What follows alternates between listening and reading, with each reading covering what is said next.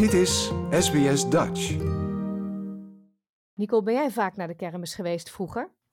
Ik probeerde wel ieder jaar te gaan. Die kwam daar ehm, ieder jaar bij ons in het dorp, vlak naast de basisschool.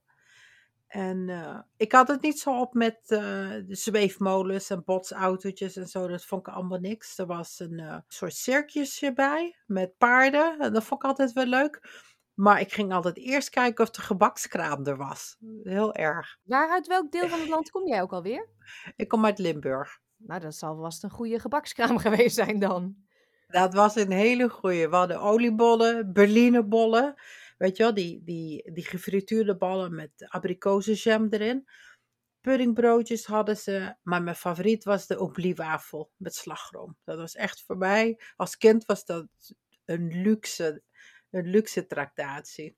Dat is hetzelfde als eigenlijk eh, als je een ijsje eet, zo'n zo, zo, wafel. Dat is ook een oebliehoorn, toch? Ja, dus opgerold in een tube en het is een dikker deeg. De ijshoorntjes, dat is meestal een vloeibaar deeg. En voor de oblie, voor de obliewafels heb je echt een dikke deeg wat je tot een balletje rolt en dan plet. Dus het is een iets dikkere korst. Oh, een beetje Maar als nog een steeds. Soort stro opgerolde stroopwafel. Inderdaad, dat idee. Ja. Ja, Ja, dat ja. idee. En eh, dat is dus echt iets wat bij jullie op de kermis standaard vaste prik was. Met slagroom erin of zo. Ja. Of kon je allemaal dingen erin kiezen wat je erop en in wilde? Was toen echt alleen slagroom. Van die, van die zoete slagroom werd er dan ingespoten aan beide kanten.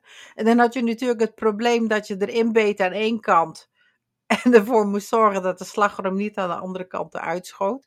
Dus het was echt weer zo'n gebakje in de categorie bossenbollen en tompoezen. Die echt wel moeilijk zijn of eh, die ingewikkeld zijn om te eten en netjes te eten. Ze doen mij een beetje denken aan, eh, aan de nieuwjaarsrolletjes bij mij in de achterhoek. Dat, het lijkt er inderdaad heel veel op, ja. Alleen dikker en groter. Nou ja, altijd beter natuurlijk. Meer slagroom, de beter.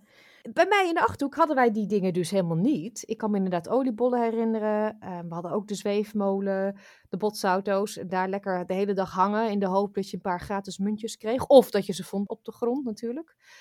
Ehm, maar ik kom met een heel klein geheugen. Dus de kermis was niet groot, maar wel elk jaar een grote happening. Patatkraam, suikerspinnen. Suikerspinnen, ja. Ja, ja. En Ja. ik denk dat wij ook een snoepkraam hadden met bijvoorbeeld zuurstokken en wijnballen. En kaneelstokken. Mhm. Oh, die wijnballen, dat was een plakkerige bedoeling.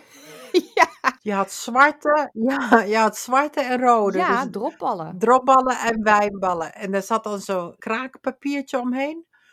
En als je dan eenmaal begon aan te, aan te likken, nou ja, je hele mond zat vol, je handen, ja, Ja. alles plakte. Maar het was zo lekker. Ja. En dan natuurlijk weer in het papiertje draaien en wegstoppen. In mijn eh, geheugen ze- waren ze heel groot. Maar ik denk als ik ze nu zie dat het best wel mee zal vallen. Als klein kind is het dan, wauw, een hele grote wijnbal. Maar ik heb ze al lang niet meer gezien. Ik heb ze al lang niet meer gegeten, ook niet. Maar dat zou best kunnen. Of ze zijn kleiner gemaakt. Dat kan natuurlijk ook. Want in mijn, in mijn idee waren dat echt knotsen. Een soort tennis, nog net geen tennisbalformaat. Mhm, Ja. Heerlijk. En dan oh, die zuurstokken. Van die knalroze. Met zo'n kersensmaakje. Maar de lekkerste vond ik toch wel de kaneelstok. Weet je, dat aan de Mm. buitenkant zit dan die droge kaneelpoeder. Ja. Ja, Mm. Noga is voor mij ook wel iets ehm, in papiertjes, maar ook die wat, wat ja, ambachtelijker eruit zagen. Ook gewoon eh, uit de fabriek, maar die zagen er wat mooier uit, zeg maar, in, in doorzichtig plastic. Je had inderdaad harde noga en zachte noga. De zachte noga is die met iets meer klasse, met meer nootjes en alles erin. En dan had je de harde noga en dat was in zo'n ruitformaat. Ja, Met een aluminium papiertje eromheen. En dan soms zat er chocola omheen en soms niet. En die was keihard. Nou, daar kon je echt een tand op breken. Ik weet niet waarom dat ze die dingen noga noemden. Want dat, heeft, dat had helemaal niks met de, noga, met de zachte noga te maken. Dat was echt een luxe. Het waren allemaal zulke lekkere dingen. ja, en hadden jullie ook bijvoorbeeld appels die ze in dezelfde spul doopten als bijvoorbeeld die wijnballen? Dus dat er zo'n hard rood laagje omheen kwam. Nee, die hadden wij niet. Of ben ik nu in de war met de Duitse kerstmarkten, waar alle fruit in chocola en alles gaat? Dat zou, dat zou goed kunnen. Ik heb de, dat soort, soort karamelappels zijn dat. eh, ik heb die nooit, nooit op de kermis gezien bij ons. Maar dat is dan misschien weer iets wat jullie wel hadden in de Achterhoek. Maar ik kan me dat niet herinneren. Het zou kunnen, ja. Ja, waarom praten we nou eigenlijk over de kermis? We praten over de kermis omdat die sinds juli dit jaar toegelaten is of bijgeschreven is op het eh, immateriële cultureel erfgoed in Nederland. En dat vond ik zo'n mooie beslissing. Want het is echt iets wat als een, als een soort rode draad door je kinderjaren loopt. Ieder jaar. En soms als je mazzel hebt, dan woon je ergens waar je twee keer per jaar kermis hebt. Maar dat was altijd wel een happening. We mochten vroeger school uit. eh, we kregen bonnetjes, omdat de kermis bij ons vlak naast de school was. Kregen we ook allemaal bonnetjes voor gratis eh, toegang. Mooie tijden hoor. Ja, hè? ja. Ik weet, bij ons is het ook eh kermisseizoen in de buurt. En dan was het ene weekend het ene dorp en dan waren wij aan de beurt. En dan een maand later was het een hele grote kermis twee dorpen verderop. Ja, daar ging je, als je een jaar of 16 was, ging je ze allemaal even langs natuurlijk. Natuurlijk, en dan zeker op die leeftijd had je meestal net verkering. En dan ging je in de rups, weet je dat nog? In de rups, het waren van die karretjes, daar gingen ze op en neer. Of zo, ja, net als een rups zich voorbeweegt. En dan halverwege ging die kap eroverheen. En dan kon je snel een kusje stelen van je vriendje of vriendinnetje.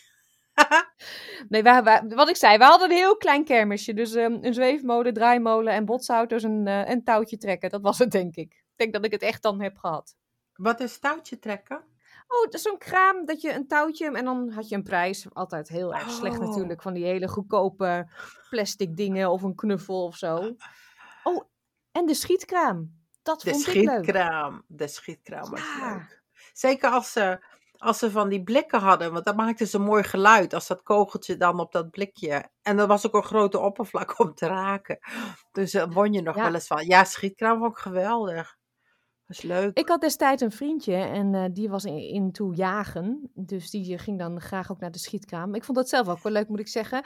Ehm, van die eh, beestjes die voorbij kwamen, of, of gezichtjes, ik weet niet, ik denk beestjes. Of zo'n gezicht met tanden en dat je de tanden zo naar beneden moest schieten. Wat leuk. Van die lange, ja, van die lange eh, ehm, metalen plaatjes eigenlijk. Ja. En die moest je dan allemaal omschieten. Oh, wat Ja. grappig. Iemand zijn tanden uit zijn mond. Dat weet ik niet Ja. meer. Ik weet nog wel eentjes, van die gele eentjes. En soms had je zo'n kraan waar je kon schieten. En dan maakte, als je dan raak schoot, dan maakte die een foto van je. Kreeg je zo'n Polaroid Oh, eh, foto. Ja, Die heb ik nog wel ja, ergens. kan ik me ook herinneren. Ja, Ja, ja, leuk hè, die herinneringen. ja, dat is ook echt iets, dat moet ook iets, iets geweldigs zijn om als opa en oma je- met je kleinkinderen naar de kermis te gaan. En dan, je hebt ook zoveel impressies, zoveel geluiden en dan altijd keiharde muziek bij de botse autootjes en dan die heerlijke geuren. Ja, dat is echt een mooie herinnering. Mhm. Heb je in Amerika zoiets? Ja, je hebt hier ook, je hebt hier ook eh, fairs, dat is dan ook een kermis. Maar ik mis dan toch een beetje de nostalgie, want alle apparaten vandaag de dag die zijn echt doodeng. Die gaan loeisnel de lucht in en dan weer naar beneden. En je gaat alle kanten uit. Dat vind ik dan een beetje... Ik, eh, de zweefmolen ging ik al niet. En de rups, de, de rups dat ging nog. Maar, dus die, die enge dingen, die zijn allemaal niet aan mij eh, besteed. Ik ga toch net als vroeger nog steeds eerst kijken waar het eten is. en wat, er, wat ik kan, eh, wat ik kan eh, oppeuzelen. En dan, en dan ga ik naar de rest. Mhm. Weet je, zo gedurende ons gesprek komen er echt dingen binnen. Ik dacht, nou dat was het. Maar we hadden ook een kraam met van die eh, muntenschuifmachines. Weet je wat ik dan bedoel? Je gooit Ja. er een muntje in en dan Ja. duwt dat aan de achterkant en dan vallen er meer munten. En dan met die muntjes kon je dan een prijs kopen. Kon je dan Ja. een knuffelbeer of iets krijgen. Dat klopt, ja. Ja, geestig. Zo zie je maar weer. Zoveel herinneringen. Eh, de rubriek heet Aan tafel. Dus eh, zullen we ook nog even een recept bespreken dan? Laten we dat doen. Dus het recept wat ik had uitgekozen waren die obliewafels. Eh, met name omdat ze vrij gemakkelijk te maken zijn. En het is ook iets wat je samen met je kinderen of je kleinkinderen kunt doen. Je maakt dus eh, van meel en boter en suiker maak je een deeg. Dat laat je dan eh, ongeveer een half uurtje tot een uurtje rusten. Uitrollen tot balletjes. Je hebt hier wel wafelijzer voor nodig uh, met kleine ruitjes. Dus net als voor stroopwafels of voor, voor. Dan druk je de deeg plat en dan moet je heel snel die hete wafel eraf halen en om een stok rollen. Dus dat kan een rolstok zijn in de keuken of uh, de hendel van een dikke lepel of zo. Moet je maar even kijken. Maar de opening mag best groot zijn. Ja, want dan moet zoveel mogelijk slagroom in. Zeker. Dus inderdaad, slagroom stijf kloppen. Beetje suiker erbij voor de zoetigheid. En dan in een spuitzak beide kanten vullen. Het is nog leuk als je een paar gekleurde, een beetje hagelslag erbij aan de uiteinden doet. Of wat gekleurde uh, dragees of zo.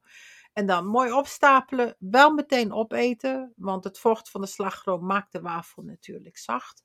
Maar dat is wel lekker. Daar hoef je geen kermis voor te hebben. Dat kan ook gewoon zo op een zondagmiddag of een doordeweekse dag. Hartstikke leuk. We gaan het recept op onze website plaatsen, zoals altijd. Dankjewel, Nicole. Heel graag gedaan. Eet smakelijk. Like, deel, geef je reactie. Volg SBS Dutch op Facebook.